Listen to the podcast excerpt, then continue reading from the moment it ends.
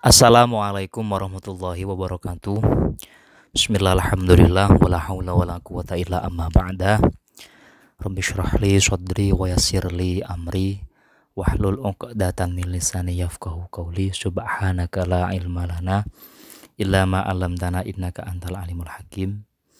Uh, Alhamdulillah kita bisa jumpa kembali pada kesempatan episode yang keberapa ya saya lupa kalau tidak salah lebih dari puluhan mungkin 15 lah 20 atau berapa saya lupa. Tapi yang jelas di episode pada kesempatan kali ini atau pada kesempatan episode kali ini kita memasuki babak baru atau memasuki pembahasan yang sudah uh, diselesaikan. Artinya pembahasan baru bukan lagi terkait masalah ibadah mahdoh mulai dari sholat, puasa, zakat, haji. Nah, ini pembahasan kali ini lebih kepada hal-hal yang ruhani ya, sifatnya masih dikategorikan sebagai sebuah ibadah kan tetapi lebih lebih kepada ibadah yang sifatnya uh, tidak diwajibkan artinya sunnah. Namun sebelumnya seperti biasa mari kita hadiahkan Fatihah terlebih dahulu ila hadratin Nabi Mustafa Muhammadin sallallahu alaihi wasallam. Wa ila asma'i Allah wa durrati wa huwa minal wa khususan ila mu'allifat kitab. Wa jami'i mu'allifil kutubil lati ta'alamna wa alamna kitabahum wa jami'i awla wa syuhada wa su'al wa khususan ila masyayikhina wa ustadina abana wa ummahatina wa jati jadatina syai'un lahumul fatihah a'udzu billahi minasyaitonir rajim bismillahirrahmanirrahim Ar-Rahmanir-Rahim Maliki yaumiddin Iyyaka na'budu wa iyyaka nasta'in Shiratal ladzina an'amta 'alaihim ghairil maghdubi 'alaihim waladdallin Pada kesempatan kali ini uh, kita akan membahas atau mengulas tentang adab atau akhlak atau tata krama atau etika yang harus dimiliki oleh mereka yang sedang membaca Al-Qur'an. Bismillahirrahmanirrahim. Kitab Adabi Tilawatil Quran uh, bab atau pembahasan tentang etika ketik etika atau sopan santun saat membaca Al-Qur'an. Wahwa Al-Kitabu Ats-Tsamin uh, Adabi Tilawatil Quran itu termasuk uh, sub atau termasuk uh, bab yang nomor 8 yang ke-8 dari uh, kitab ibadah di dalam kitab Ihya Ulumuddin. Qadim tanallahu ala ibadihi binabihi al-mursal binabihi al-mursili. Allah Ta'ala menganugerahkan terhadap seluruh hambanya sosok nabi yang diutus wa kitabihi plus uh, kitab atau uh, Al-Qur'an Al-Munazzali yang juga diturunkan bersama dengan Nabi Muhammad. Alladzi la ya'tihi al-batilu. Di mana di mana di di dalam kitab tersebut itu tidak ditemukan sebuah kebatilan. Mimbaina mimbaina yadaihi wala min khalfihi. Baik itu yang termaktub di dalam kitab ataupun hal-hal yang terjadi sebelumnya. Hatta ittasa'a ala ahlil afkari sehingga memungkinkan untuk mereka yang uh, suka berpikir, suka akan sebuah hal-hal yang logis, logis, uh, torikul i'tibari untuk mengambil sebuah, mendapatkan sebuah ibarat, sebuah gambaran sebuah visualisasi atau pemahaman bima fihi yang dengan apa yang ada di dalam uh, kitab tersebut. Minal kososi dari beberapa kisah wal akhbar juga terkait uh, kabar. Tadhaha bihi sulukal manhaj al qawim dan dengan kitab tersebut al manhaj al qawim uh, sebuah metode yang bisa mengantarkan kita ila syiratil mustaqim ila syiratil mustaqim pada jalan yang lurus itu itidoh semakin jelas. Bima fusila minal ahkami. Nah, kejelasan uh, metode yang bisa mengantarkan kita terhadap uh, syiratul mustaqim itu karena di dalam kitab tersendiri di, di dalam Al-Qur'an sendiri uh, ditampilkan beberapa uh, hukum hukum yang uh, yang terperinci wa furiqo bainal halali wal harami dan di dalam kitab tersebut menjadi sebuah acuan pembeda atas hal yang diharamkan dan dihalalkan. Fahuwa abdiya'u wa nurun dan Al-Quran sendiri itu adalah abdiya yang bisa menjadi penerang wa nurun dan bisa menjadi cahaya artinya cahaya yang bisa menerangi terhadap kegelapan Artinya Al-Quran itu dimetaforkan uh, menggunakan uh, sebagai sebuah layaknya cahaya yang bisa memberikan kita petunjuk terhadap uh, kegelap gulita atau kebodohan yang sedang kita alami. Wabihi an-najatu minal hurur dan ketika seseorang itu berpegangan dengan Al-Quran maka dia akan selamat, akan terhindar dari al-hurur, Eh, penipuan atau terbujuk. Wafihi shifaun lima fis suduri dan apa yang dimuat di dalam Al-Quran sendiri adalah sebuah syifa, obat fis suduri terhadap bagi hati yang sedang galau, hati yang sedang resah, yang sedang sakit, yang yang sedang sempit. Mantamassaka bihi fakot hada. Barang siapa yang berpegang teguh dengan kitab di kitab Al-Qur'an, fakot hada, maka orang tersebut uh, termasuk golongan orang yang mendapatkan petunjuk. Wa man amila bihi fakot faza dan barang siapa yang mengamalkan, mengaplikasikan isinya, fakot faza, maka orang tersebut benar-benar mendapatkan sebuah keberuntungan yang luar biasa. Qala Allah Ta'ala Inna nahnu nazzalna dzikra wa inna lahu lahafizun. Aku, aku Allah yang menurunkan al-dzikra Al-Qur'an wa inna lahu lahafidun dan sungguh akulah yang menjaganya. Wa min asbabi hifdhihi fil qulub wal masahif dan ada beberapa sebab kenapa Al-Qur'an itu disimpan, dijaga di dalam dengan dengan bentuk hafalan yang ada di dalam hati uh, para hafidh orang yang hafal Al-Qur'an. Wal masahif juga tertulis tertuang di beberapa lembaran artinya Al-Qur'an yang dicetak oleh Kemenak, Al-Qur'an yang dipublikasikan uh, bentuk Al-Qur'an yang berbeda-beda dan bervariatif. Itu tujuannya istidamatu tilawati agar senantiasa dan selalu untuk dibaca wal muwadzibati ala dirasatihi dan uh, me menjadikan Al-Qur'an sebagai uh, wadzibah uh, artinya berkelanjutan terus-menerus dalam mempelajarinya. Ma'al qiyami bi adabihi serta jangan lupa ketika seseorang membaca mempelajari Al-Qur'an itu harus memiliki adab, tata krama, sopan santun, wasyurutihi dan syarat-syarat yang uh, diperkenankan baik secara normatif fikih maupun secara ritual ibadah untuk bisa me membaca, untuk bisa mempelajari Al-Qur'an. Wal muhafadzati ala ma amara bihi serta menjaga Al-Qur'an baik berupa hafalan maupun semacamnya bin a'malil batinah dari beberapa hal yang sifatnya batin wal adabi ad-dhahir dan hal-hal yang tampak di permukaan. Buddha min dan hal ini sangat-sangat penting untuk di, ditampilkan, untuk dibahas dan untuk diulas. Karena uh, kenapa sangat penting? Karena uh, ada nilai tersendiri di dalam ibadah ketika seseorang membaca Al-Qur'an.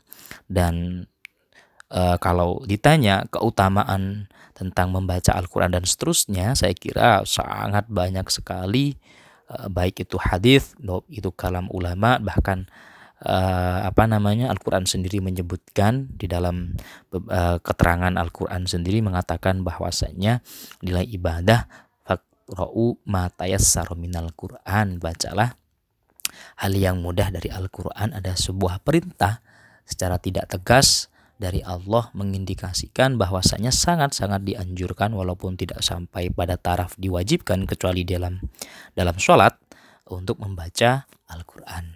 Oleh karena itu uh, maka tidak perlu ditanya lagi dalil keutamaan atau mungkin uh, apa namanya uh, ya dalil dalil keutamaan membaca Al-Quran karena jelas Al-Quran itu kalamullah maka uh, keutamaan membacanya jelas tidak perlu diragukan lagi. Fadlul Quran wa ahlihi wa dhammin maksurin fi tilawatihi. Keutamaan Quran dan orang yang ahli Al-Quran, ahli di sini dari berbagai perspektif, dari berbagai sisi, baik itu dia ahli membaca, ahli hafal, kemudian ahli mengamalkan Al-Quran, itu semua bisa dikategorikan sebagai orang yang ahli di dalam Al-Quran.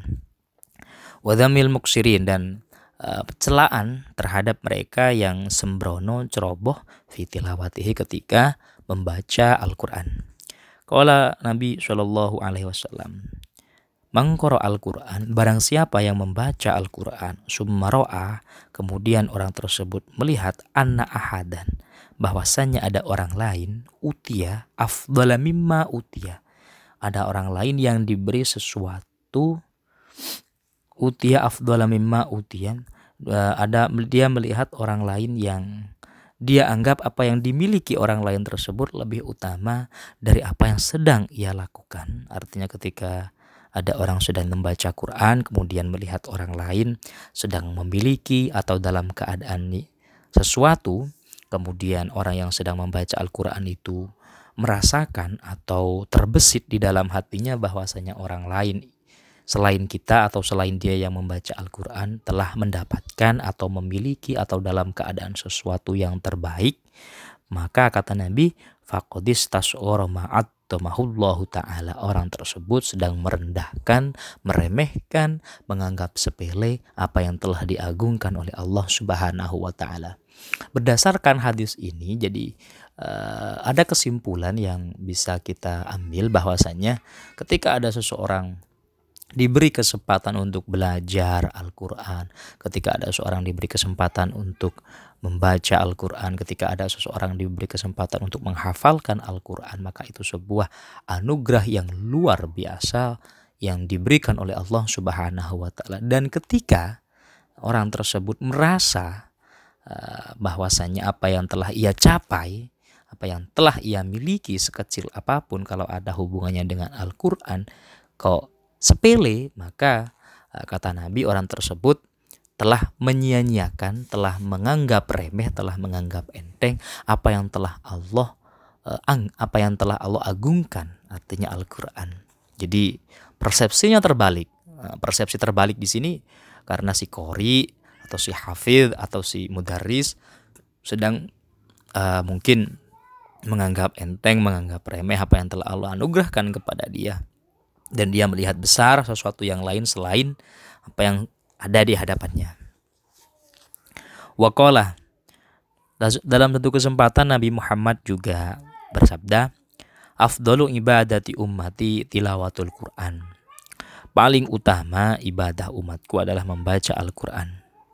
Kemudian hadis populer terkait belajar Al-Quran, belajar Al-Quran, Nabi berkata, khairukum man ta'allama al-Qur'an paling baik di antara kalian adalah orang yang belajar belajar Al-Qur'an wa 'allamahu dan mengajarkannya. Wa qala Ibnu Mas'ud Idza aradtum Ibnu Mas'ud berkata kalau kalian idza aradtum al ilma kalau kalian ingin memiliki sebuah pengetahuan fanfirul Quran bukalah Al-Qur'an kalian fa inna fihi ilmal awalin maka di dalam Al-Qur'an itu ada pengetahuan orang-orang sebelum kita baik itu berupa kisah, berupa cerita, berupa kabar, berupa kejadian, sejarah sehingga dari mereka kita bisa belajar untuk menghadapi masa depan wal akhirina dan juga uh, hal-hal uh, yang sifatnya prediktif yang akan terjadi kelak-kelak dan seterusnya dan Al-Qur'an itu memang tidak pernah ada habisnya untuk dibahas. Wakola Umar bin Ash Umar bin As berkata, Mangkoro Al-Quran fakot adrojat an-nubuwah bayna jambaihi. Barang siapa membaca membaca Al-Quran, maka telah uh, maka dirinya telah masuk ke dalam siklus atau ke dalam pangkat kenabian di antara kedua uh, perutnya illa annahu la yuha ilaihi kecuali dia tidak diberi wahyu. Artinya orang yang membaca Al-Qur'an itu orang yang sedang belajar Al-Qur'an, orang yang sedang mengajarkan Al-Qur'an itu sama dengan ketika Rasulullah diberi wahyu oleh Jibril sehingga mereka hampir sama dengan derajat kenabian. Hanya saja uh, Al-Quran yang mereka baca bukan diwahyukan langsung oleh malaikat Jibril itu saja menurut Ibnu Mas'ud. Saking saking tingginya derajat orang yang yang belajar membaca, menulis, menafsirkan, kemudian menghafalkan Al-Quran.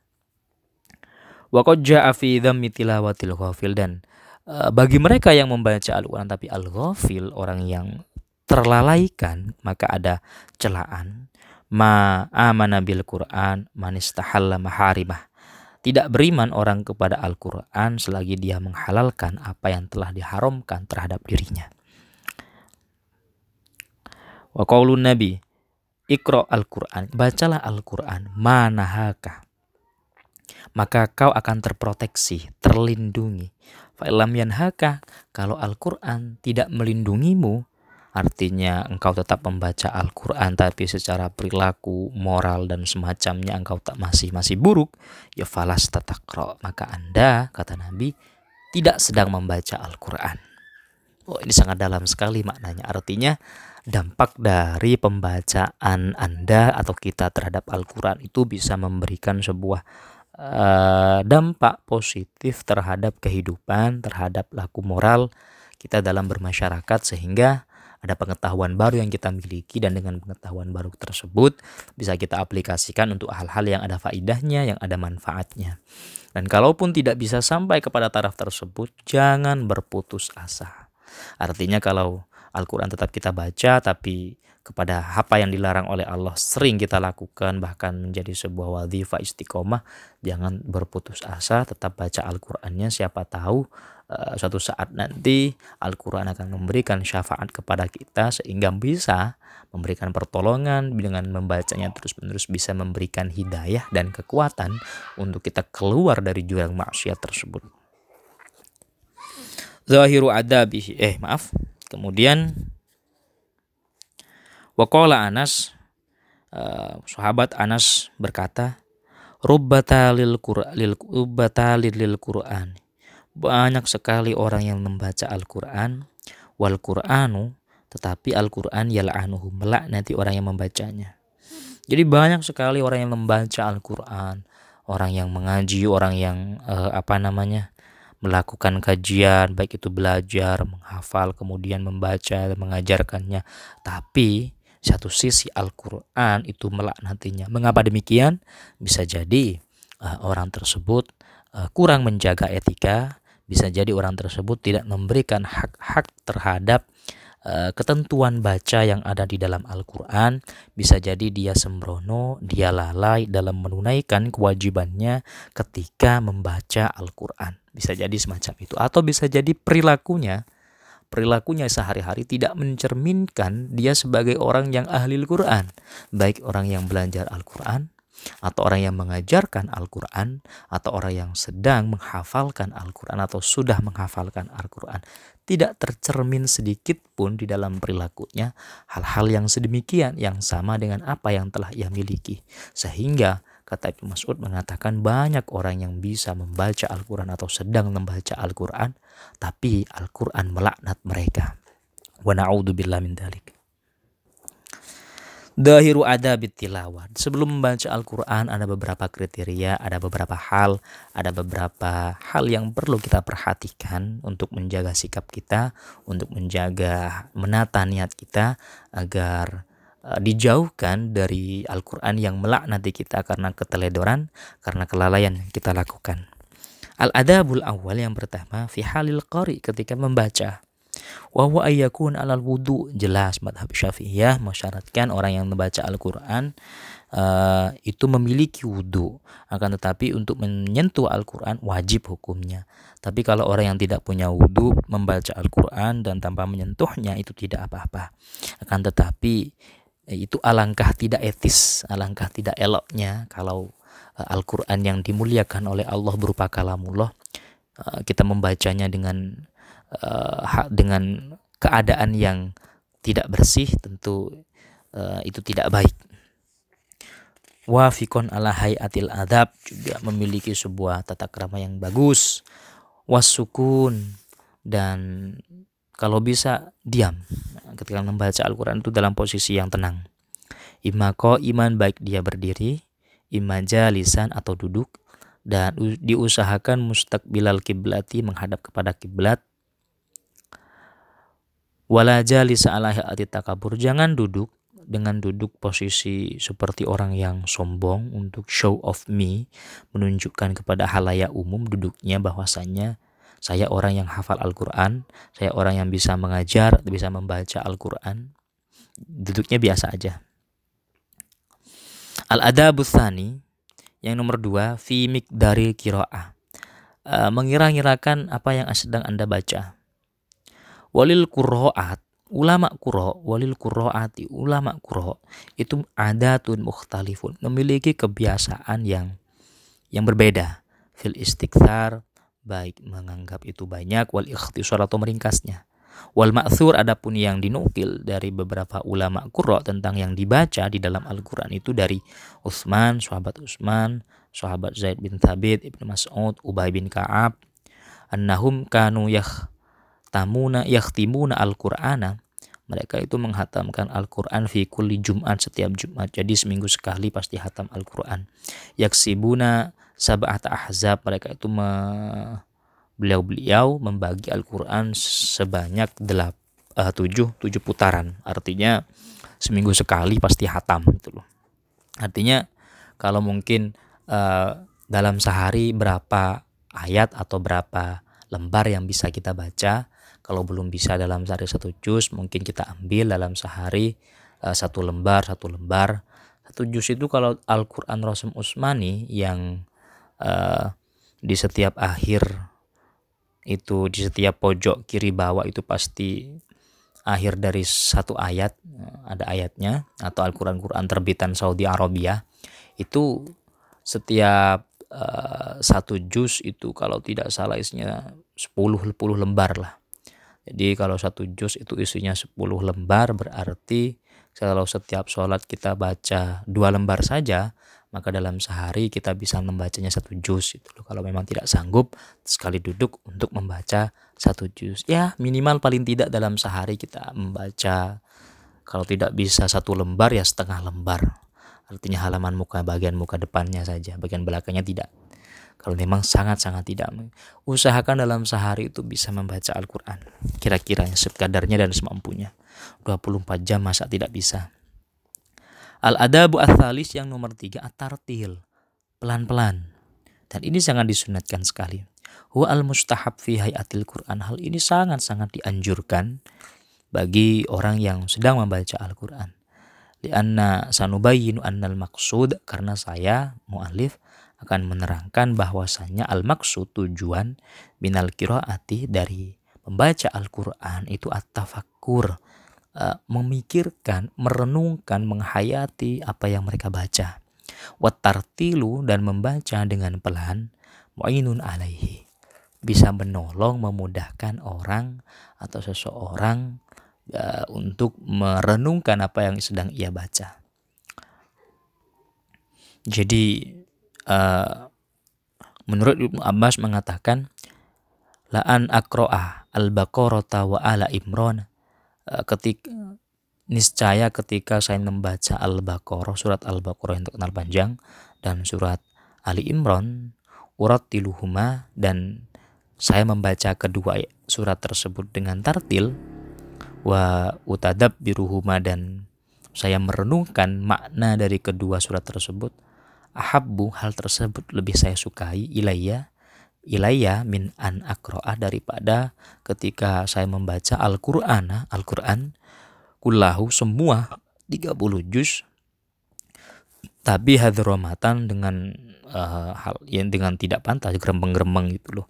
Artinya cepat tapi tidak ketahuan apa yang sedang ia baca. Wah wajala anatartilu wajala anna tartila dan jelas sekali bahwasanya tartil itu akroba ila taukir uh, itu lebih mendekatkan kita untuk mengagungkan Allah Subhanahu wa taala dan ihtiram. Jadi uh, kalau menurut Ibnu Abbas lebih baik membaca Al-Qur'an dengan mengedepankan kualitas bacaannya sehingga bisa lebih at-tafakkur wa tadabbur daripada kuantitas semata. Al-adabur robi yang nomor empat adalah al-buka, nangis. Bahwa musta'abun ma'al dan ini sangat dianjurkan ketika membaca. Wa manshu'u al-huznu. Sumber dari uh, tangisan ini adalah al-huz, rasa susah.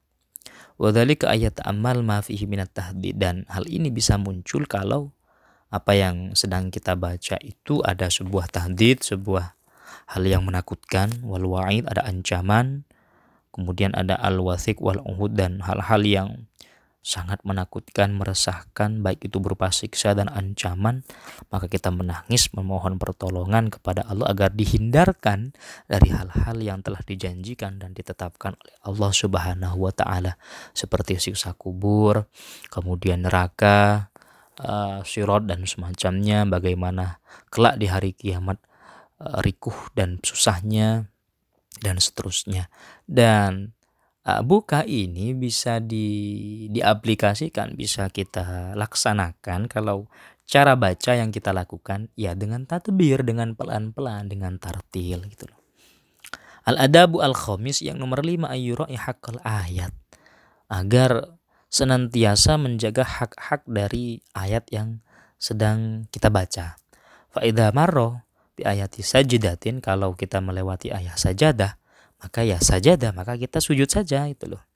Wa kadzalika idza sami amin min ghairi walaupun dan hal tersebut juga berlaku ketika kita mendengar ayat sajadah sedang dibacakan dari orang lain itu loh. Wala yasjudu illa idza kana ala taharatin dan ya kalau sujud sajadah tentunya harus dalam keadaan suci itu loh Al adabu as-sadis yang nomor 6 ayyakula fi tadi kiroatihi uh, sebelum memulai membaca dia sebelum memulai membaca Al-Qur'an diawali dengan a'udzu billahi a'udzu billahi samiil alim minasyaitonir rajim. Wa fi asna'il qira'ah idza marra ketika dia berada di tengah-tengah bacaan kemudian melewati ayat bi ayat tasbih melewati ayat tasbih sabbaha wa kabbar maka dia membaca tasbih dan membaca takbir Wa idza marobi ayati doa kalau dia melewati ayat terkait berdoa, meminta kepada Allah wal istighfar dan ayat-ayat ampunan, da'a wastaghfar maka mintalah kepada Allah dan minta ampunlah kepada Allah. Wa barabi marju kalau dia melewati ayat yang sangat dia sukai misalkan melewati ayat tentang surga, melewati ayat tentang ampunan, melewati ayat tentang rahmat Allah, sa'alah maka mintalah saat itu. Mintalah surga kepada Allah, mintalah ampun kepada Allah, mintalah rahmat kepada Allah.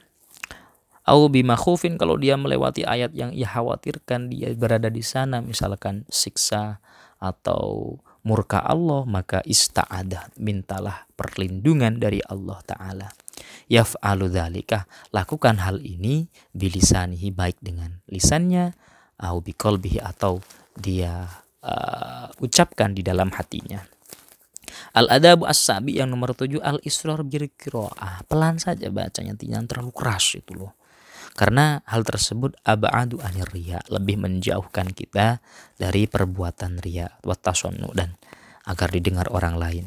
Fahuwa afdulun fi ala nafsi. Dan hal ini lebih baik dilakukan oleh orang yang terindikasi mudah melakukan ria itu loh. Artinya kalau orang yang sebaliknya kalau orang tersebut sudah bebas dari perasaan ria ketika dia membaca Al-Qur'an atau situasi dan kondisinya memang uh, tidak lagi ada ria di dalamnya, maka membaca dengan suara lantang baik dengan pengeras suara itu lebih diutamakan. Karena uh, li'annal amal fihi aksar karena lebih banyak pekerjaan yang baik yang kita lakukan maka lebih banyak hal positif yang tentu dapat kita tularkan kepada sesama.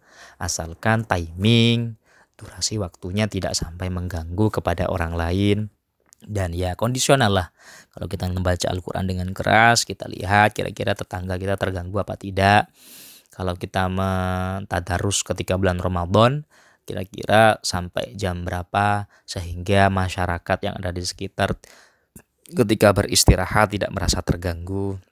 Itu saja sebenarnya.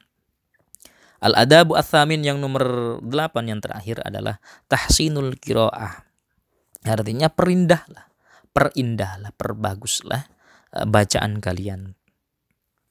Watartiliha dengan cara me me melankan apa yang kalian baca. Tapi min tamti tanpa tanpa memperpanjang. Kalau pendek dibaca panjang hanya demi men, me, mengejar mengejar lagu, atau mengejar nada yang sedang ia lakukan itu loh.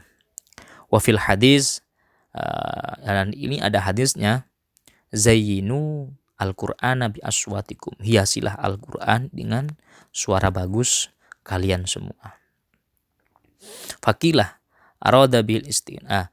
Kemudian di satu hadis yang lain Nabi berkata, Laisa minna balam yatahun nabil Quran. Bukan golongan kami orang yang tidak melakukan ketika membaca Al-Quran. Fakilah. Hal ini multi tafsir hadis ini. Ada yang mengatakan aroda bihi al istighna yaitu dilakukan. Wakila aroda bihi at-tarannum. At-tarannum itu ya di dicengkok-cengkokkan itu loh kemudian wat tardidul alhan uh, mengulang-ulangi lagu yang telah awal itu loh wa huwa aqrab inda ahli lugat dan hal ini lebih mendekatkan terhadap ahli bahasa Wastama ila kiruati Abi Musa Syahdan Nabi Muhammad mendengarkan bacaan Al-Quran yang dibacaan Al-Qurannya Abi Musa Al-Ash'ari. Faqala lalu Nabi berkata, Lakot utiya hada min mazamiri ahli Daud. Orang ini diberi seruling keluarga Nabi Daud. Artinya memiliki suara yang merdu, memiliki suara yang enak, layaknya serulingnya keluarga Nabi Daud yang terkenal bisa meluluh lantah, meluluhkan setiap benda, bahkan hanya manusia tapi setiap benda. Nah, wayarwi anna ashab Rasulillah dan diriwayatkan bahwasanya beberapa sahabat Nabi kanu idajtama'u ketika mereka beliau-beliau berkumpul amaru ahadahum mereka memerintahkan menginstruksikan salah satu dari mereka ayat roa untuk membaca satu surat di dalam dari Al-Qur'an dengan dengan apa namanya dengan suara yang bagus dengan lagu yang merdu dan tentunya tidak merubah sama sekali uh, hak dan makhorijul huruf atau tajwidnya dijaga tapi tetap dilakukan Kiranya uh, itu terkait adab ketika orang membaca Al-Quran. Uh, kurang lebihnya mohon maaf. Sekian dari saya. Wallahu a'lam bishawab. Wallahul muwafiq ila Wassalamualaikum warahmatullahi wabarakatuh.